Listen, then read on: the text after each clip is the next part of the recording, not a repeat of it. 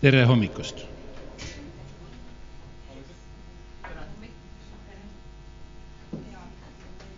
jaa, nagu te näete, meil on tohutud uuendused. jälle juba teist korda meil ei ole poodiumit või pulti ja meil on peamikrofon, ma saan sellega öelda halloo kosmos. siis ma võtan selle eest ära või see jääb siia?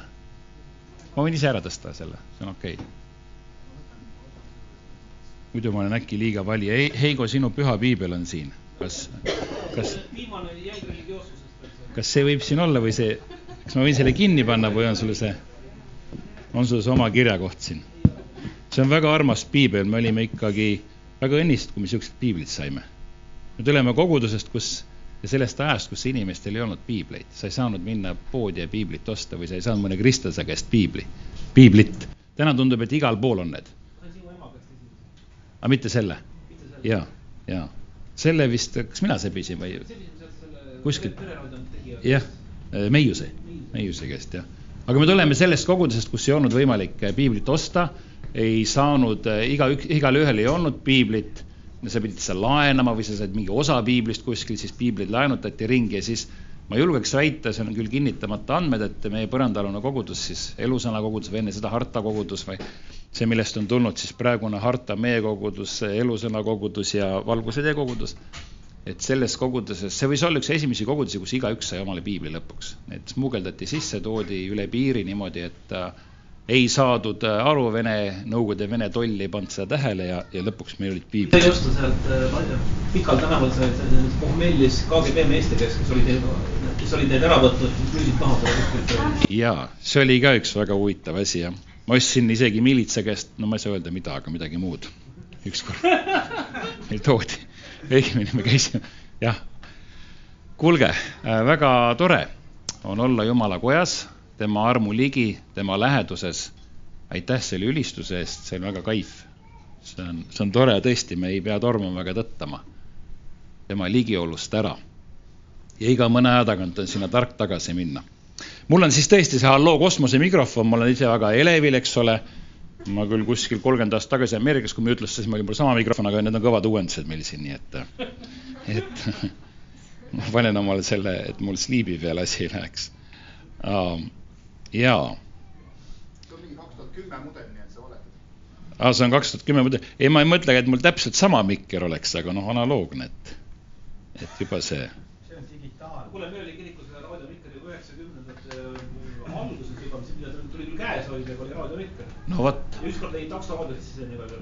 jaa oi, see on väga tore, kui ma tulin Ameerikast tagasi, mul oli niisugune antenniga telefon, nagu siin ikka alguses olid aga see oli teisel sagedusel, USA sagedus ei tohtinud teid siin kasutada, ma ei teadnud seda, ma panin selle oma kodus tööle ja iga kord, kui ma kõne vastu võtsin, üks mees üüris meie korterisse tuba, tal läks telekal pilt eest ära, siis tuli tagasi jälle. nii et need sagedused on väga põnevad, kunagi me USA-s, kui meil oli, me avastasime niisuguse asja, et mul oli, meil oli garaaži uks oli see nupuga, käis üles-alla, siis me käisime Iiriga oma äh, naabruses jalutamas. Ja mul oli see garaaži nupp, uks, see pult. oli kaasas, kuna me sealt käisime sisse-välja ja siis niisama taskus klõbistad seda, ükskord ma avastasin, et kuskil kolm-neli tänavat kaugemal üks teise garaaži uks läks. Minu, minu klõpsutamise peale lahti, siis ma mängisin sellega natuke, panin ust kinni ja lahti. see on täiesti irrelevantne tänases kontekstis. aga Jumal on hea, tema arm on äh, suur, tema arm on suurem, kui me aru saame ja sellest mitte ma ei saagi öelda, et me tahame täna rääkida, et sellest me ju alati räägime ja Jumala armust, Jumala headusest, tema seadusest. ma paletaks kõigepealt. isa, me täname sind veel kord selle võimaluse eest olla pühapäeva hommikul vabas riigis, vabal maal, rahuajal sinu ees. me täname oma valitsuse eest, kes parasjagu muutub, isand. Me täname selle eest, et me saame Jumala kart-, me saame rahulikult ja teisi inimesi kartmatult, isand, sind siin teenida. saame palvetada, uurida, lugeda, saame sinu sõna kuulutada ühel või teisel moel isa, me täname selle võimaluse eest. me täname tänase hommiku eest, selle eest, et sinu läheduses ja sinu vaimu ligiolus me saame olla. isa, ma palun, et sa avaksid meie südamed, et, et me kuuleksime seda, mida sina tahad meile öelda. isa, anna mulle tarkust rääkida sinu sõna nii, nagu seda tuleb rääkida, et see oleks inimliku tarkuse meelitavad sõnad, vaid need võiksid olla täis sinu vaimu ja väge, isa, nii nagu sina kord ühe mehe kaudu minule rääkisid, mis muutis minu elu. isa, me palume sinu armu, isand sinu sõna, sinu selgust, sinu headust meie ellu.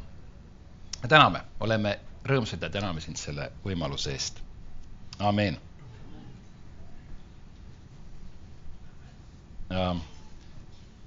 kuule, kas me saame seda ülespoole ka, et noh, uuendused on väga kihvtid, on ju, aga kuidagi lühikesed, kuidagi lühikesed uuendused on siit või? ahah, nüüd läks veel madalamale, oh, see on juba parem. nüüd ma näen ka, mis ma kirjutasin siia. jaa, selle ülistuse ajal ma kuulsin mitmeid asju, mis mulle kõrva jäid ja millest tahaks kangesti rääkida uh, me natuke arutasime siin kunagi, et kellele me siis tahame meeldida. paar koosolekut tagasi, kas Jumalale või, või, äh, või inimesele. ja see pani mind mõtlema, ma Tillukese kommentaari vist järgmine koosolek ütlesin, aga see pani mind mõtlema, et, et meie soov tegelikult kristlastena, see põhjus, miks me täna hommikul ka siin oleme, miks sa pühapäeva hommikul siin oled, täna on nii ilus ilm, ma olen kindel, et te kõik tahaksite hoopis suusatada. on ju? et palju parema meelega oleks kohe rajale läinud, mitte siia tulnud ja siis rajale läinud aga ühel või teisel moel me toome mõne ohvri ikka aeg-ajalt äh, kirikusse tulles, Jumalaga koos aega veetes ja nii edasi ja me teeme seda miskipärast omast vabast ajast, omast äh, energiast, oma rahast, me kulutame äh, neid ressursse, mis meile on antud, selleks, et tema ligiolus, tema palge ees olla. ja me teeme seda siis sellepärast, et me armastame teda, me hoolime temast, me tahame otsida Jumala palet, meil on mingisugune kirg tema vastu. me tahame olla rohkem tema sarnased me tahame aru saada, mis on see tõde, mis tema siia segasesse maailmas, maailma on toonud, ehk siis me otsime teda, me, me, me püüdleme tema poole. ja see on, see on meie, ma arvan, et igaühe soov ja igatsus. mul, Jumal räägib minu vastu, ta tegelikult räägib minu poolt, meil on niisugune veider väljend eesti keeles minu vastu, eks ole. ka see, kuidas me lapsi muretseme. minu arust oli väga lihtne oli last teha.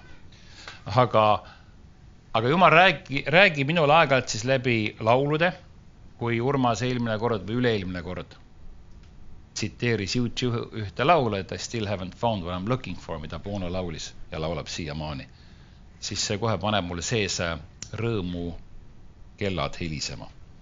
ja, ja, ja mul on üks laulja, kes on mind tugevasti mõjutanud ja kelle niisugused tsitaadid iga mõne aja tagant tulevad mulle meelde, on siis Bob Dylan kes äh, kolm aastat andis puhtalt ainult kristlikud albumid välja.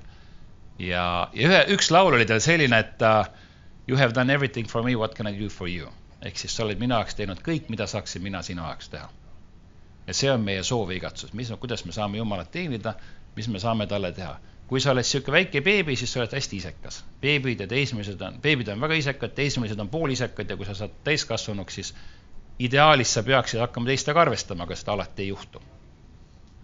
aga beebid, kogu tähelepanu nendel, nende vajadused, neid ei huvita, mida sina arvad, kuidas sina ennast tunned, peaasi, et nende vajadused oleks rahuldatud. ja vahest kristlastena, kui me tuleme ja sünnime Jumala riiki, teeme Jumalaga lepingu, tuleme kogudesse, siis meil on see värk ka. et kuule, et äh, kuidas nüüd ma tunnen ennast paremini, kuidas äh, ma saaksin järjele ja, ja me tahame, me sööme ja igatseme seda vaimset piima, nagu Paulus kirjutab.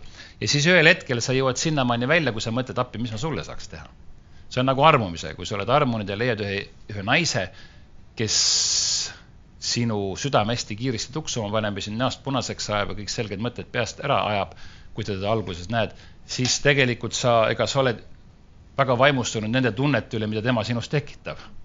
ja siis hiljem on toredad erinevad faasid, siis tuleb võimuvõitluse faas ja kui sa sealt läbi saad, on see siis kümme, viis või kakskümmend viis aastat hiljem, siis tuleb juba õnnishetk aga, aga ühel hetkel siis sa hakkad mõtlema, oo, mida ma sulle saaksin teha, et sa meeldid mulle nii kangesti, et mis ma saaksin teha, kuidas ma sinu elu saaksin paremaks muuta. ja see on vast see käsk ka, mis Jumal meile annab, et kuidas me saaksime ligimest armastada. mis me saaksime teisele teha, kuidas me saaksime inimesele meeldida. me saame niimoodi ütelda. me tahame meeldida Jumalale, aga kuidas me saaksime inimesele ka meeldida, et me saaksime teda teenida, et me saaksime talle edasi anda seda sõnumit, mida Jumal meile on ütelnud, mis me peaksime andma. see on niisugune huvitav huvitav element, ehk siis me, me tahame meeldida Jumalale ja hiljuti ma vaatasin üks, ma ei tea, kas keegi vaatab sellist asja nagu Bible Project, nad teevad selliseid kihvti videosid, seletavad, sa vaatad või sa niisama noogutasid? ma noogutan, noogutame kõik Viivikaga korra on niisugune asi nagu Bible Project, kus sa saad väikseid videoklippe vaadata, nad teevad nii viis kuni kaheksa minutit, neil nagu jutlused, värgid, mingi Ameerika seltskond, see on tasuta, saad alla laadida, vaadata, niisugune huvitav teistsugune lähenemine piiblile aeg-ajalt, aga nad seletavad huvitavalt lahti ja, ja rõhuvad palju ka siis äh, juudi kultuurile ja, ja äh, heebrea lastele ja siis sellele, mida mõni sõna võib tähendada ja mis see kontekstis võib tähendada. ja ma vaatasin ühte hiljuti, ta ütles, et see jumala inimeste teenimine on pöördvõrdeline. Ja see tegelikult äh, niimoodi on. ma panin paar asja kirja, ma loen, mul on täna tegelikult, ma võtsin mingeid märkmeid siit ja sealt ja, ja panin kirja endale oma vanu asju ka. ma olen seda siin aeg-ajalt lugenud ka, aga ma lõpuks annan teile kristlase, nelja, nelja kristlase definitsiooni ja siis te saate vaadata, kas tuleb äratundmisrõõm, et milline teie neist olete. on urukristlane, on hajuv kristlane, on äh, bipolaarne või siis skisofreeniline ja nii edasi. Need on ma ise. Urukristlane, hajuv kristlane, skisofreeniline kristlane ja siis on kahekordse kodakondsusega kristlane. kuidas? no vot, sa pead nüüd, ma, vaata, tark on see, et sa annad ette, mis juhtuma hakkab, on ju, siis te kõik kuulate niimoodi põnevalt ja kui ma ei jõua sinnani, siis ma jõuan järgmine kord sinnani, aga siis varsti me peaks lõpetamist hakkama. armulaud on. Jaa, see oli kuskil, ma, mul on üks lemmikjutlustaja Rick Godwin, kelle podcast'e ma kuulan, hästi lahe kuju. ja Rick Godwin ütles, et ta oli kuskil kirikus ja ütleb, et kuule, et noh, kui kaua teil aega on või küsib pastori käest, ta oli külalisjutlustaja teises kirikus teine pastor ütleb, kuule, mis aeg, et me oleme vaimust juhitud, me oleme jumala vaimuga, liigume koos, et sa võid rääkida nii kaua, kui sa tahad, aga inimesed lähevad pooleteist tunni pärast koju. see on väga tore minu arust. aga tõesti, kui sa armastad Jumalat, siis sa teed head sellele, keda tema armastab. ehk siis Jumala armastamine väljendub tegelikult selles, et sa, et sa hoolitsed ka nende eest, kellest tema hoolib ja kes talle meeldivad. meil on, äh, meil on äh, kaks poega, ma ütleks, teate, Eerik ja Kaarel, noh, kaks poega. ja Kaareli või e-, Eerikul, Kaarel on ka sõbrad, aga Kaarel on see, tema et jah, Eerik on teine e,. Eerikul on sõbrad ja kui need sõbrad siis vahel meie juures käivad ja kui nad tahavad meie juures mingit pidu korraldada, midagi taolist, need sõbrad on meile ka väga olulised, Eerikul on mõned väga head sõbrad ja mõned laiema ringi sõbrad, need on meie jaoks ka tähtsad, neid on tore näha, põnev vaadata, mis neist nüüd edasi saab pärast keskkooli lõpetamist, kuhu keegi läks, mida keegi teeb. Nad on meile ka kallid ja kui meil on võimalik, siis nad saavad, võivad meie kodus pidu pidada, ükskord ma pidin ära minema, et teises kohas magada. Ma läksin alla korrusele magama oma ema tühja korterisse, see pidu oli nii kõva, et siis ma panin need, need Eeriku Bose äh, noise cancellation, heli summutavad, kõrvaklapid pähe ja siis ma sain ainult ühes asendis magada, seda peaks keerata ei saa, sul on siuksed klapid. niimoodi magada ka rohkem ei saanud üleval käis mütakas. Aga need inimesed on kallid meie jaoks, need on tähtsad, need lapsed on toredad, me hoolime neist, me vaatame, mis neist saab, kus nad lähevad, alati on tore näha. mõni aeg tagasi nad olid meil kodus, taas Eeriku sünnipäev oli, siis istun vaadata neid, nad on kallid.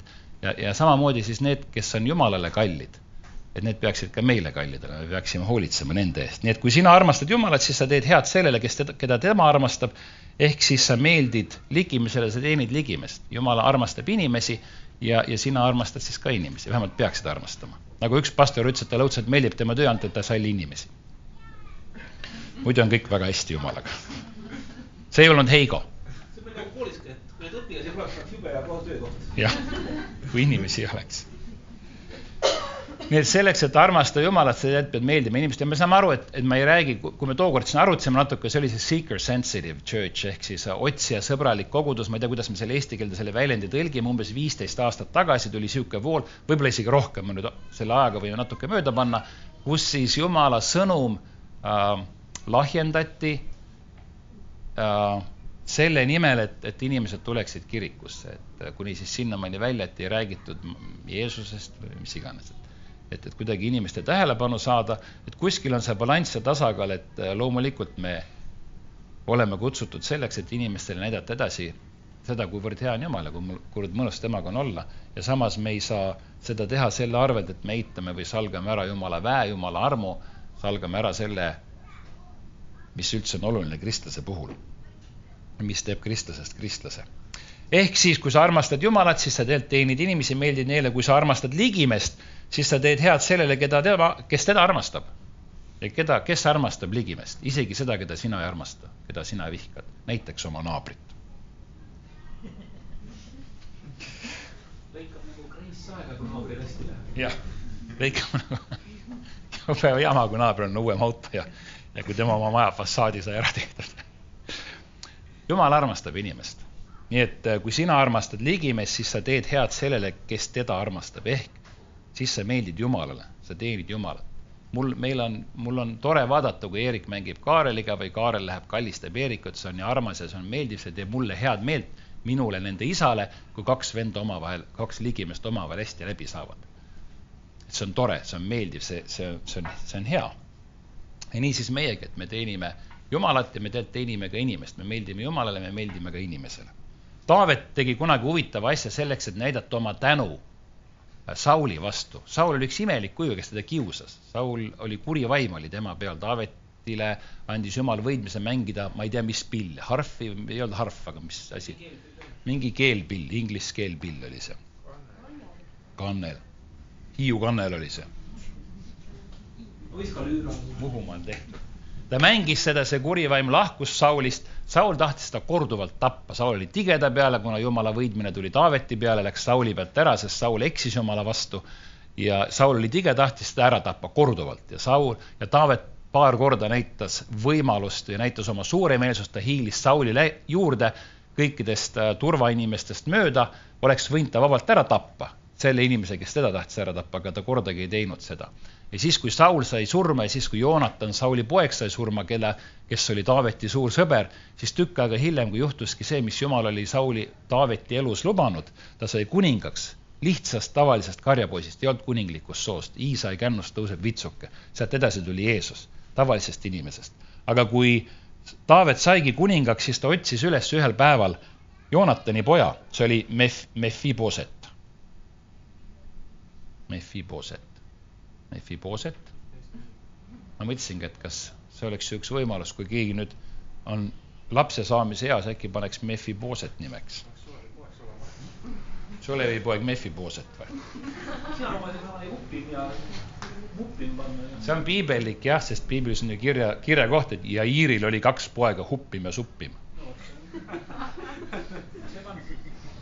jah, me mõtlesime selle peale, kuidagi Eerik kõlas paremini jaa. ehk siis Taavet otsis üles, Taavet tahtis teha kellelegi head, et näidata üles oma, oma suuremeelsust ja oma lugupidamist, ta tegi teisele inimesele head, ta leidis üles Joonatani poja, kes vist oli kuidagi vigane, kas ta oli kukkudes vihaseks saanud või ma ei mäleta. jah, hoidja vist põgenes temaga või midagi taolist ja siis ta kukkus ja ta oli lombakas ja iganes, ühesõnaga ma ei tea, kui hädine või mitte hädine, aga kuskilt maakohast ta toodi välja, toodi kuninga kotta ja Taavet ütles talle, et ma tahan tänu sinu isale ja tänu sinu vanaisale, et ma tahan sind austada. ja ta hoolitses selle inimese eest elu lõpuni. ja see on ka üks viis, mis siis, see on üks sõnum meile, et me peaksime ka siis hoolitsema teiste inimeste eest. ligimees hästi lihtne on hoolitseda nende eest, kes meile meeldivad, kas pole niimoodi? ja palju raskem on hoolitseda igast lollakate eest. nii ei tohi öelda, eks ole. piibel ütleb. ehk siis palju raskem on hoolitseda nende inimeste eest, kes sulle ei meeldi ja kes ei ole sinu sõbrad aga jumal vist, mitte vist, vaid kindlasti ta ütleb, et tehke head kõigepealt usukaaslastega kõikidele inimestele. arvestage kõikidega, hoolitsege kõikide eest, nii et see on paras väljakutse. mida me siis teeme, kas me siis armastame Jumalat või me armastame maailma? kuidas sellega on? Simon Potter, mõned mäletavad, oli üks, on väga lahe kuju, ma nüüd, ma ei tea, paar aastat tagasi viimati suhtlesin temaga, praegu on pall minu väravas, ma ei ole vastanud hästi pikale Skype'i kirjad, kirjale aga Simon Potter, kunagi ta oli meil koguduses, ma ei tea, kas sa mäletad, kas sa, Heigo, mäletad või keegi mäletab, kui ta oli matkamajas ja ta esitas sellise küsimuse, et kumb siis? Johannese kolm kuusteist, kes teab seda peast? kes ei tea seda peast? sest nõnda on Jumal maailma armastanud, et oma ainusündinud poja on andnud, et üksi, kes temasse usub, ei peaks hukka minema, vaid tal võiks olla igavene elu. tõenäoliselt vähemalt evangeelses ringkonnas kõige kuulsam kirjakoht, eks ole ja, ja see näitab seda, et Jumal andis oma poja maailma eest. mina ei annaks oma poega teie eest. kui mul oleks võimalus valida, kas surete teie või sureb minu poeg, siis sorry.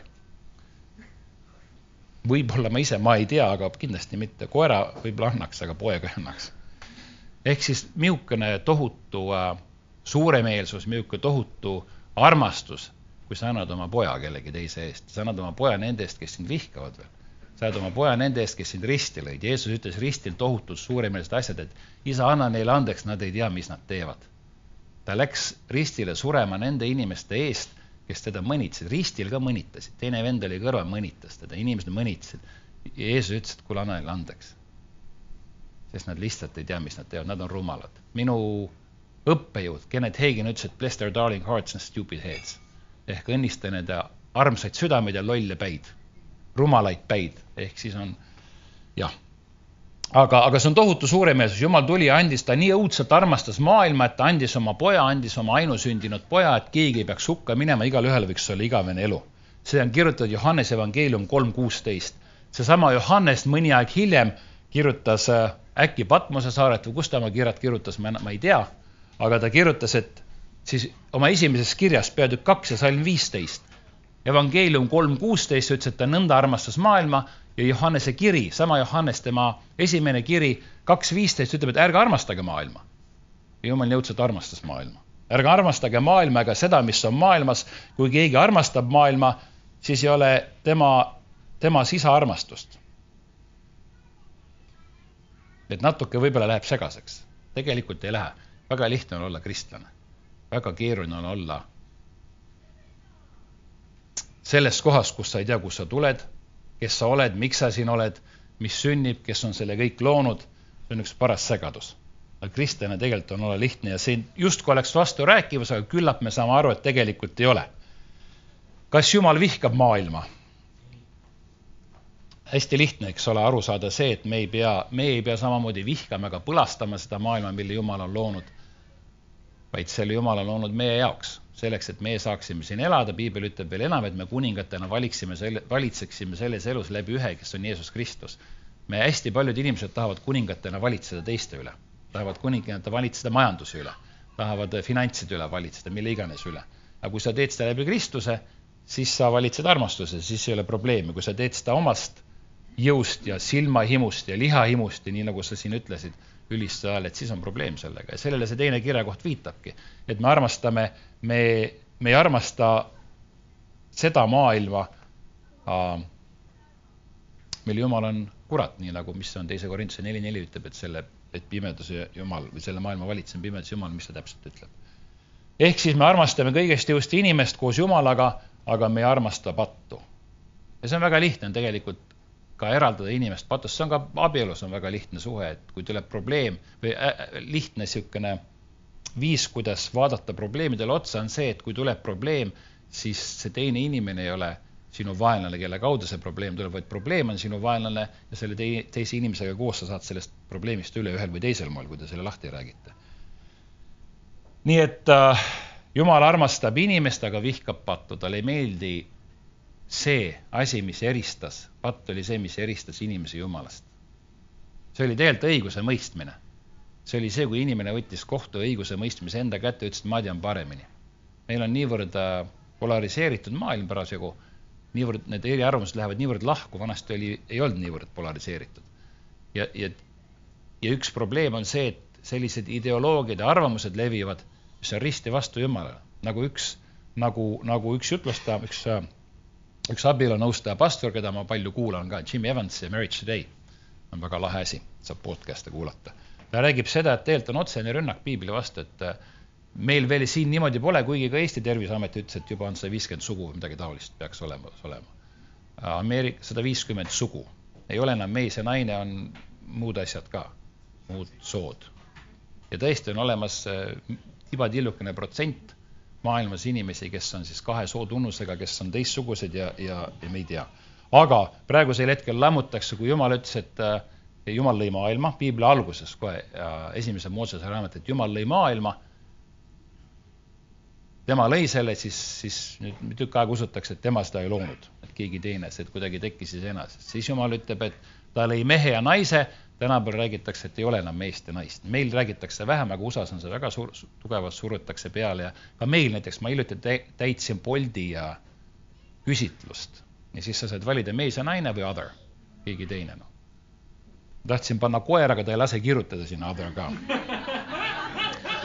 aga tegelikult on rünnak, et Jumal ütles, et tema lõi mehe, naise, tema lõi maailma, siis, siis praegu on väga tugev rünnak selle vastu, et ära tühistada, ära nullida kõik need asjad, kuidas Jumal ütleb, kuidas see asi on vaid me siis kinnitame, kehtestame oma tõe. jah, ma juba ei tea ah,, patt. ja see ongi, point on siis selles, et patt tuli siia maailma, eristas Jumala inimesest Jumal vihkab seda pattu, sest see patt, mis me teeme ja mis siin maailmas ringi liigub, see eristab selle kalli inimese, kelle tema on loonud, Jumala lapse eristab Jumalast, eraldab, eraldab siis Jumalast pigem. väga kihvt kirjakoht, kindlasti teate abielu rikkumiselt tabatud naine. Jeesus läks tema juurde, see oli naine, kes siis Jumala enda, isa, poeg ja püha vaim, poeg on Jeesus Kristus kelle, kes Jumala enda seadus oli see, et kui inimene seda teeb, et siis tuleb ta vist kividega surnuks visata, oli see, oli see vanas Iisraelis. mõisteti surma, tohutult räige, räige karistus, eks ole.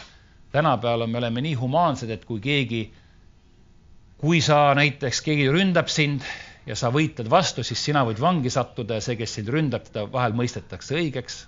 Kui keegi tuleb röövima, varastama sinu majja ja sa kas või lased ta maha või vigastad teda permanentselt siis sina võid vangi minna ja nii edasi, me oleme humaansed miskipärast ja, ja mina vigastad. see võib olla tõesti niimoodi. jah, siis ma, aga ärge ahvatage, jah.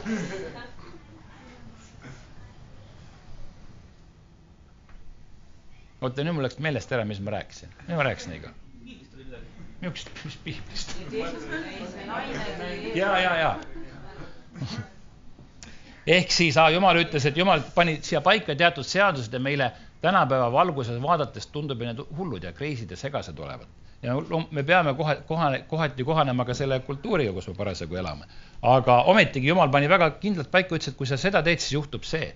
Ja, ja siis nende seaduste järgi oleks, on see, oli see naine hukkamisele mõistetud. ma alati mõtlen, miks seda meest kinni ei võetud, kus see mees oli, kas teda ka aeti kividega taga või mis temaga tehti, ma ei tea ehk siis seesama Jumala poeg Jeesus pandi nii-öelda keerulisse olukorda. Hallo, kosmos hakkab praegu hukkuma mul kõrvast pandi keerulisse olukorda, kus ta pidi tegema otsused, mida ta siis teeb, kas ta täidab seda seadust, mille Jumal ise paika pani või ta kuidagi lahendab selle teistmoodi. nii nagu Saalomon hirmus kavalasti lahendas selle hetke, kui, kui üks naine ütles, et ta, nad ei teadnud, kumma naise laps see on ja Saalma ütles Raiu, kui see laps pooleks, andke pool ühele, pool teisele, siis õige ema ütles, et oi, ärge seda tehke, väga lihtne oli aru saada, väga kaval trikk, eks ole. Jeesus oli samasuguse keerulise olukorra ees ja ta pidi siis mingisuguse lahenduse sellele andma ja ta ütles, et mis ta ütles sellele naisele, kes mäletab?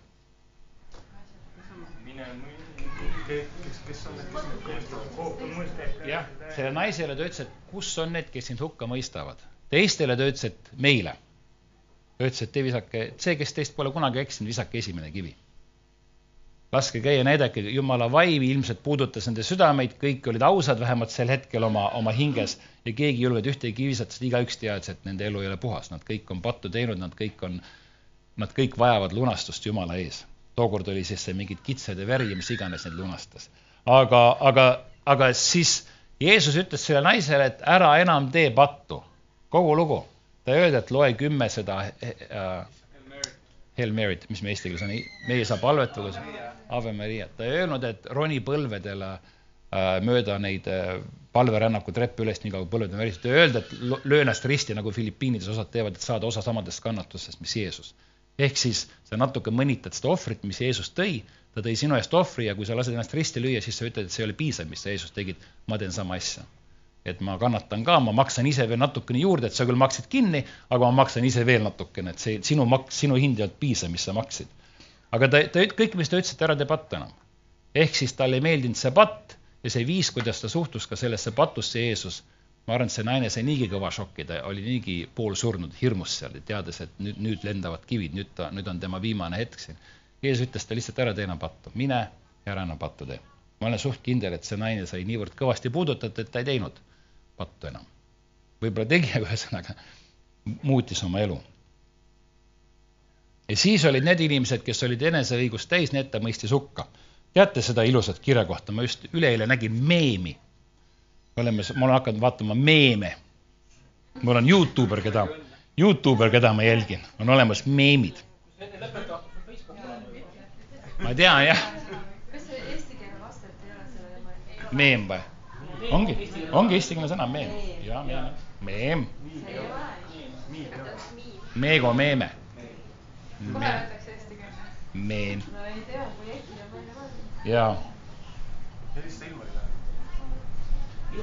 pärast. ja, ja ühesõnaga meem, miks ma sellest meemist räägin, meem oli sellise koha, üks pastor näitas mulle seda. teate kirja, sellist kirja kohta, et te maote restikute sigitis, kuidas te põgenete põrgu hukatuse eest? Seda on öeldud, Jeesus ütles seda kolm korda Matteuse evangeeliumis, kolmes erinevas kohas, ütles seda variseridele, ütles nendele inimesele, kes olid eneseõigust täis ja kes ei andnud armu, kes olid eneseõigust täis, Jeesus sõimas neid ja ütles, et teil läheb väga halvasti.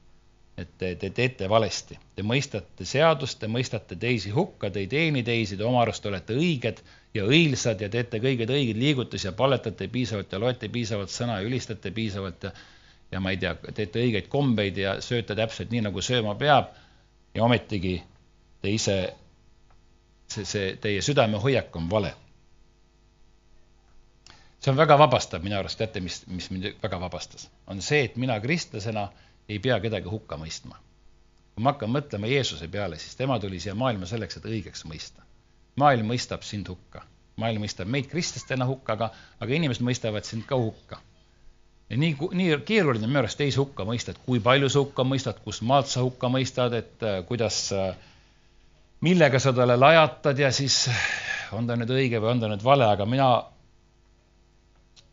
mõni aeg tagasi või tegelikult tükk aega tagasi ma tulin teadmisele, küllap Jumal näitas mulle seda, et, et minu kohus ei ole üldse hukka mõista, ma saan õigeks mõista, ma ei pea pattu õigeks mõistma, ma saan inimest armastada, ma saan aidata. ja teine, teate, mis on tohutult vabastav asi on see, et sinu asi üldse ei ole, mida teised teevad. sa ei pea üldse, sa ei pea üldse muretsema, see pole absoluutselt sinu vastutus, mida teised teevad. sinu vastutus on see, et sa ühel päeval seisad Jumala ees ja sa annad talle aru sellega, mis sina tegid. oma eluga, mida sa tegid oma eluga, sa annad talle aru nendest talentidest, mis ta sulle andis, mida sa nende talentidega teed. kas sa kasutasid neid, teil igalühel on omalt, omal moel mm,, teil igalühel on talent Need igatühte on Jumal kutsunud, mitte ainult Heigot või, või Janekit või Ilmarit või mind või kes me siin ees räägime või ülistajad, kes siin ees ülistavad. igaüks. Jumal on kutsunud igaühe, Jumal on andnud igale ühele mingi anni, ühel, teisel ja kolmandal moel inimesi teenida, teisi aidata. ja see on väga kihvt. ja sina annad aru sellest annist, sa annad aru sellest, mida sina tegid sellega, mis Jumal sulle on andnud. sa ei vastuta teiste kristlaste eest ja sa ei vastuta teiste ka mittekristlaste, see on loll termin natuke, aga okei okay,, praeguseks seletamiseks las ta olla. et need inimesed, kes ei ole kristlased, sa ei vastuta kummagi eest. sa vastutad ainult iseenda eest. sa saad käia ja rääkida Jumala headust ja Jumala seadust ja sa saad enda elu läbi näidata seda, kuidas tema sind on muutnud. ja, ja sa saad tema, tema hoiakut oma hoiaku läbi näidata, aga sa ei vastuta nende eest. sa ei pea muretsema nende pärast, sa võid muretseda seda, et kui sa tahad neile head teha, kui sa näed, et kellelgi läheb halvasti, siis sa üritad aidata aga, aga sa ei vastuta nende eest. see ei ole sinu kohustus, nende elu õigeks keerata, nende, sa ei, sa ei päästa ka neid. nii kõva mees, kui sa või kõva naine või tubli inimene, kui sa ka oled, sina ei suuda mitte kedagi päästa, Jeesus suudab. sa saad ainult rääkida. kord oli koguduses vaidlus, et, et kumb on kõvem, kas Apollos või Paulus, mäletate seda kohta? see on nüüd, ma, ma panin omale tead kirja, ahaa, see on esimese Korintuse kolm, viis kuni üheksa, kus siis pa, Paulus ütleb, et mis on Apollos, mis on Paulus, teenrid, kelle kaudu te olete saanud usklikuks, nõnda nagu issand igale ühele on andnud. mina istutasin, Apollos kastis, kuid Jumal laskis kasvada ja keegi kolmas lõikab. ja see on väga kihvt. sa, me lihtsalt igaüks tegi enda osa, üks istutas, teine kastis, kolmas lõikas, Jumal hoolitses selle kõige eest. nii et see on väga vabastav. minu arust vähemalt. oota ära veel hakka flööti mängima. palun tahaks, ma tahaks paar asja veel rääkida. ma saan aru, et me võime varsti lõpetada, sest meil on ka armulaud ja kuskil pool tundi me räägime. aga saateks oleks küll tõsi kena, kena jah. mõtlesin, Riina võttis flöödi kätte, hakkas puhuma juba. üks äh, üks jutlustaja ütles oma naisele, et kuule, et naine istus esireas, ma ütleks, ma rääkisin seda siin. naine istus esireas ja, ja jutlustas, et kuule, vaata, kui ma liiga pikaks lähen, on ju, ütle, anna mulle märku oli jah. Ja ta oli püksilukk lahti, naine tegi niimoodi ja siis ütles, et she's telling me to zip it but I ain't gonna. ehk siis ta käskis mul, no zip it on see sõnade mäng, püksilukku nagu ziperi tõmbad kinni, aga et nii kui ütles ta, ma läksin ja naine ütles, et lõpeta ära tema arust, aga tead, naine ütles, et su püksilukk on lahti, aga mees, ma ei kavatsegi seda kinni panna see on siis tõlkes. nii et meie ei vastuta teiste inimeste eest, see, seda muret ja seda koormat ei pea sinu najal olema, me peame neid ainult armastama, nende eest hoolitsema ja omal moel, igaüks omal moel, me saame üles näidata Jumala armu, Jumala hoolt nende vastu selle anni läbi, mis sulle on antud. see võib olla leiva küpsetamine, see võib olla rääkimine, see võib olla ülistamine, see võib mis iganes olla. ja, ja me ei pea teiste üle kohut mõistma, teiste kristlaste üle, see on ka tohutult vabastav. Mina ei saa seletada Heigole, kuidas ta peaks oma naist armastama. mina ei saa talle öelda, et Heigo, kui sina oma naise suustki ei mä määri, siis sinus ei ole Jumala armastust. see on väga ohtlik kah, sest et väga ohtlik on määrida oma naise suuski, minu sõber Einar määris oma naise suusade pärast Tartu maratoni. suusad ei libisenud naisel. ja see oli väga suur, väga keeruline oli edasi olla abielus natuke aega. paar, viis, viis tundi umbes niimoodi. Me ei pea teisele ette kirjutama, me vastutame iseenda eest, me vastutame oma elu eest, me vastutame Jumala ees selle eest, kuidas me tema headust, tema seadust, tema armu edasi anname igale ühele on antud oma viis, kuidas seda anda. me vahel koguduses vaidleme, et mis on õige, kuidas peaks õigesti tegema. milline, milline see õige kristlane on, kas õige kristlane on ülikonnaga või on ta T-särgiga? kas krist-, õige kristlane joob alkoholiga õlut või ilma alkoholita õlut? Kas koguduse armulauast tuleb anda seda veini või mahla? kas äh, peab olema sul see King James versioon piiblist, teate seda, see on ingliskeelne kõige levinum versioon, keegi üks vanem naine olla kunagi koguduses, öelda, et kui Apostel Paulusel sobis King James versioon, mis tuhat kuussada vist tuli välja, et siis see sobib temale ka, et tema mingi uuendustega tema kaasa ei lähe. kui see männipuust koletunud poodium sobis, kes meil, Peetrusele või? et jah, tema käis siin rääkimas, et siis see sobib. Peetrus Rikmanus. Peetrus Rikmanus. oli ta paavst Apostlite tead viisteist on ka üks kirjakoht, mis mind on väga meeldivalt mõjutanud, kus siis äh, evangeelium hakkas levima paganate sekka, juutidel oli oma kultuur, oma viis, kuidas nad asju ajasid, neil oli õige arusaam sellest, kuidas Jumalat peab teenima, kuidas saad olla Jumalale meelepärane ja kuidas sa ei ole Jumalale meelepärane. ja siis juhtus see imelik asi, et minge kõikjale maailma, kuulutage evangeeliumi ja juutide seas hakkas evangeelium levima ja äkitselt ühel päeval Jeesus ilmus, või õigemini nägemus ilmus Peetrusele, kes oli tubli, no enam-vähem tubli kristlane selleks ajaks nägemus ilmus talle, ütles, et mine tee midagi sellist, mida keegi pole kunagi enne teinud. mine tee midagi sellist, mille kohta või mille tõttu ilmselt ülejäänud kogukond sind hukka mõistab. kirik ja, ja kristlaste kogukond ütleb, et nii ei tehta. nii ei tohi teha, nii me pole kunagi teinud, jumal on öelnud, nii me ei tee. ehk siis ta nägemuses andis Peetrusele selle ühe lina, seal olid igasugused loomad, mida juudid ei söönud. ja jumal ütles, et tapa ja söö. Peetrus ütles, et mitte mingil juhul, ma olen tubli kristlane ma olen äh, Tallinna missiokoguduses teises reas, istun kogu aeg, alati käin, palvetan, olen kohal, mina olen tubli kristlane, mina nii ei tee. sealiha ei söö. Jeesus äh, või Jumal ütles Peetrusele, et tee ikka. Et ja tee. ja vi-, millest ta rääkis, oli siis see, et Peetrus läheks Korneliuse äh, juurde, Kaisareasse. Läheks Jeruusalemmast või, või ei, ta oli selles Tel Aviv äh,, Jaffas, Eesti, oli või? Jaffa on piiblis, Joppe, Jaffa, kumb ta oli seal, mis on Tel Avivi külje all, et ta läheks siis Kaisareasse ja kuulutaks evangeeliumi Korneliuse kojas, Kornelius ei olnud kristlane. kristlased ja juudid ei suhelnud teistega, nad ei läinud jumala asju endale rääkima, nad ei läinud nende kotta, nad ei läinud nende juurde sööma, nii nagu, nii nagu teised inimesed tegid. ja see oli tohutu uuendus Peetruse jaoks ja siis ta läks sinna. ja läks ja kuulutas evangeeliumi ja nii kui ta või rääkis Jumalast midagi, nii kui ta rääkis, Jumala vaim langes sinna peale ja Peetrus sai aru, et see nägemus, mis Jumal näitas talle, et tee midagi teistsugust, mille pärast sind ilmselt kirik hukka mõistab, millest paljud aru ei saa, mida paljud peavad valeks, mine tee sina seda ja kui sa seda teed, ta tegi seda, jumala arm kukkus tema peale. Heigo eelmine kord reetis, mina ei ole seda kunagi ütelnud, aga sina ütlesid seda. See viis, üks oluline hetk oli meie kahe elus, kus siis ma rääkisin jumala armust. me vaidlesime jumalast ja ühel hetkel me olime minu maakodus, vanas maakodus ja me tahtsime minna baari jooma, aga baar oli kinni, me ei saanud sinna minna siis meil oli ainult suitsud, me suitsetasime, see õhk oli paks. me rääkisime Jumalast ja Jumala asjadest ja äkitselt ma, ma kogesin Jumala vaimu enda peal. Nii nagu ma olin seda koguduses enne kogenud, vahel eriskummaliselt ma tabasin selle ära, see on midagi erilist, midagi teistsugust ja ma, ja ma rääkisin Heigole uuesti sünnist ja ma alati, ma ei tahtnud talle rääkida, sest see tundus totter minu jaoks. nii nagu Nikodeemus küsis Jeesuse käest, mis, mis kuidas ma sünnin uuesti, ma ei saa ju ema ihusse minna uuesti sündida, et millest sa räägid? ja tookord Jumala vaim selgelt tuli minu peale ja ma rääkisin Heigole sellest ja, ja see oli täiesti ebatavaline olukord ja ma kindlasti ei soovita, see ei tähenda seda, et sa pead hakkama suitsetama selleks, me olime lihtsalt lollid ja noored. Lollid ja noored, sa pead selleks suitsetama, et Jumala vaim liiguks. aga on olemas selliseid liikumisi ja kogudusi, kus Jumala vaim eriskummalisel moel liigub ja inimesed hakkavad seda kopeerima, seda järele tegema, arvates, et nii ongi.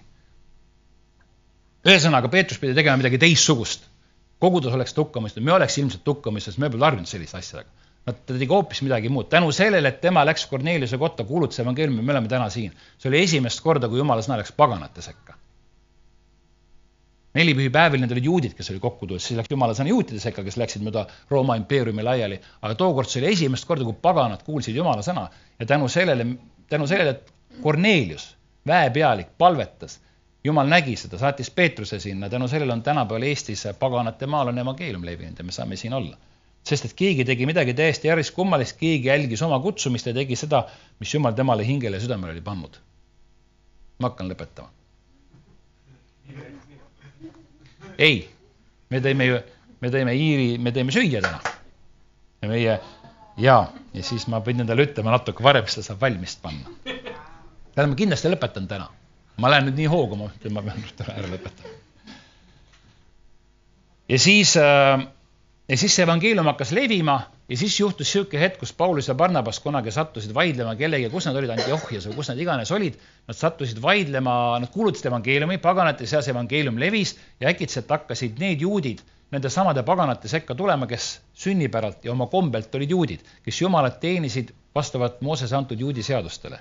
Ja nad nüüd nad nägid, et siin on hunnik paganaid, kes absoluut, kes söövad rõõmuga sealiha, kuulavad Iron Maidenit, mis nad veel teevad? joovad, joovad rohkem veini kui peaks, eks ole, ja näed, ja väidetavalt on nad nüüd kristlased. ja need juudid, kes olid harjunud teatud kombetalitlusega, ütlesid ei, ei, nii, nii, niimoodi, see ei ole õige kristlus, nii te ei saa kristlased olema, te peate ennast ümber lõikama. et siis te saate kristlaseks. ja siis tekkis õudne segadus sellest. nii palju, kuni siis Paulus ja Barnabas saadeti Jeruusalemma, kus olid need koguduse vanemad, arutame selle asja üle, et mis me siis nüüd teeme. Et see viis, kuidas me oleme harjunud Jumalat teenima, see, mis meie kirikus ja koguduses on tavaline, et teist, nemad seal teenivad hoopis teistmoodi. Nad ei pea ühtegi seda käsku, nad ei pea ühtegi seda kommet, mida me oleme pidanud. ja siis nad võtsid asja kokku ja jällegi üks tohutult vabastav kirjakoht, mis mul on mõttes mõlkunud ja mis on mind läbi elu aidanud, on nimelt see.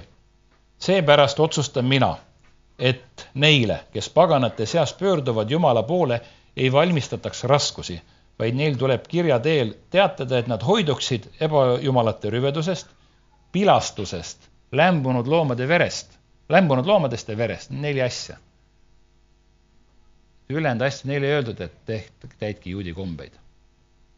vaid nad lihtsalt olid mõned üksikud asjad, mida, mida siis paganatele kästi teha ja see on that's it loomulikult me teenime Jumalat ja me, me käime temale järele ja me armastame teda ja me täidame tema seaduse, tema seadus on ka see, et armastame ligi, armastame Jumalat üle kõige oma ligimest nagu iseennast.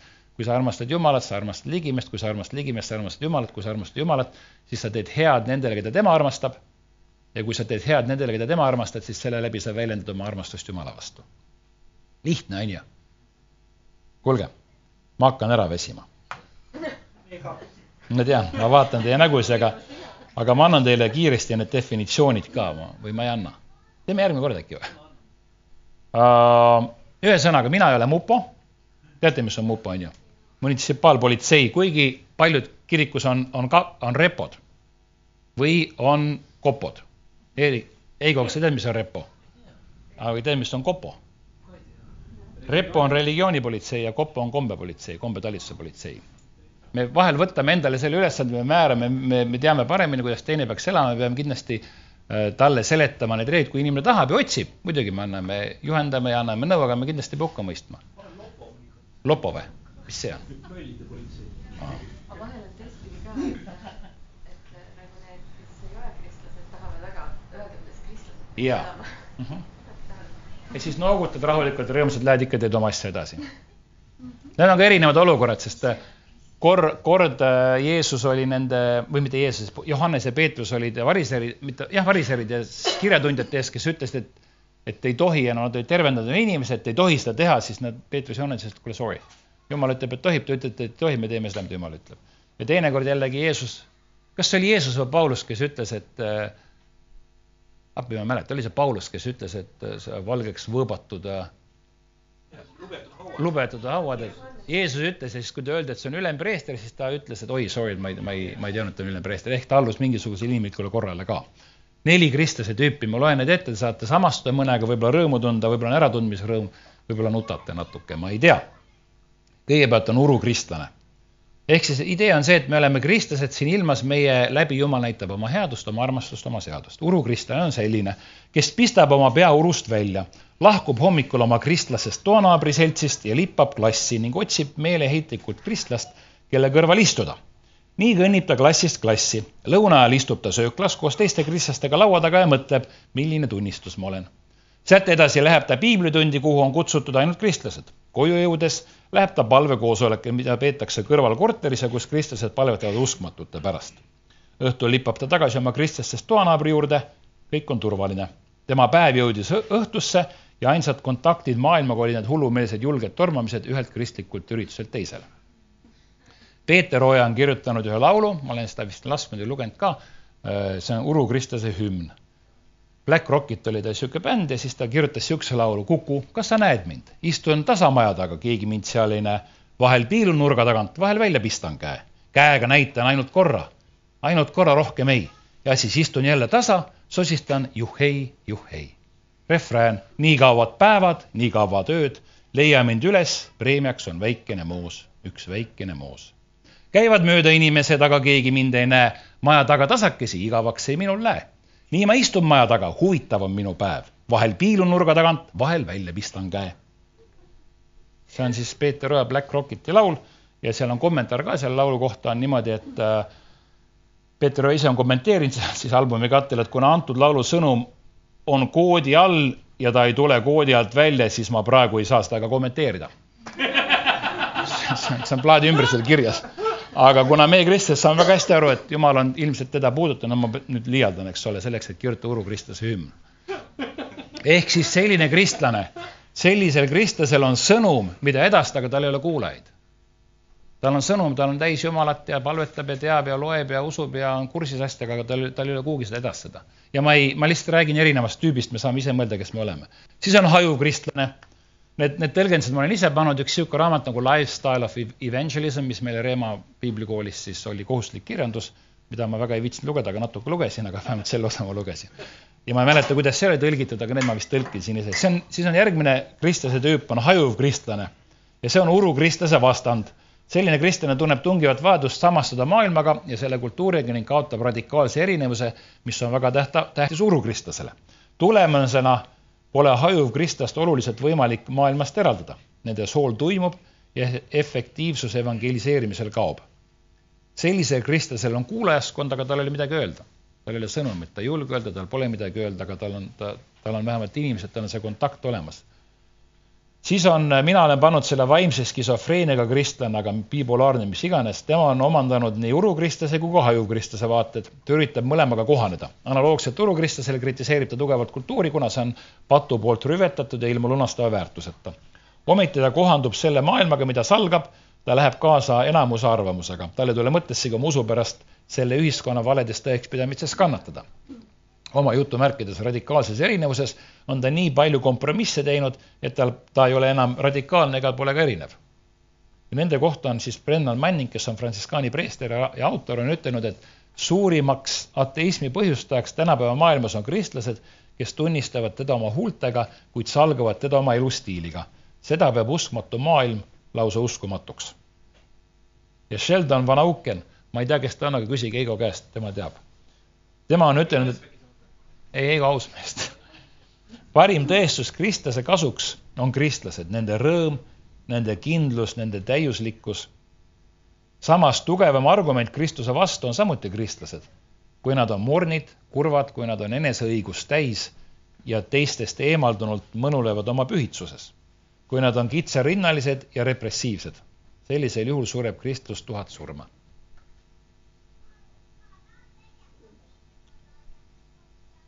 ma Rosin kristlastest räägin teinekord ja nüüd on viimane. viimane on kahekordse kodakondsusega kristlane. taevast ja maist kodakondsust omades teeb, teab see kristlane, et Jumal on teda kutsunud lunastavale missioonitööle maa peal. ta usub, et inimene ei pea pärast kristlaseks saamist ütlema lahti oma kultuurist. ta usub, et kristlane peab erinema mittekristlasest, kuid mitte olema temast sotsiaalselt eraldatud. kahekordse kodakondsusega kristlane lahendab kristliku ja mittekristliku kultuuri erinevusest tingitud probleemid. Nii et sellisel kristlasel on sõnum ja tal on kuulajaskond, tal on midagi ütelda. ja meid on kutsutud siia maailma olema soolaks ja valguseks. sool soolatopsis on mõttetu, aga kui sa paned seda toidu peale, siis ta teeb toidu liiga soolaseks on ka, tead, siis on õige, eks ole. ma lihtsalt, jah, nii on õige. ja valgusel pole ka mitte mingit mõtet, kui sa paned selle põlema ja katad kinni. valgusel on siis mõte, kui sa selle, kui sa seda valgustad ja vahel me mõtleme, no mis valgus mina olen. ma olen nii pisike, ma jään isegi tassi ümber. Kui terve see ruum on pime, sa tõmbad ühe tillukese tiku põlema, see on hämmastav, kuidas terves selles pimeduses see tilluke tikk põleb. ja kõik näevad seda. kui sa oled, ma ei tea, Saku Suurhallis ükskõik, kus sa istud, kui on täiesti pime, kui sa, sa keskel seisad, tõmbad ühe tiku põlema, ükskõik, kus sa oled, igaüks näeb seda, see on sinu. What? Unibet Arena.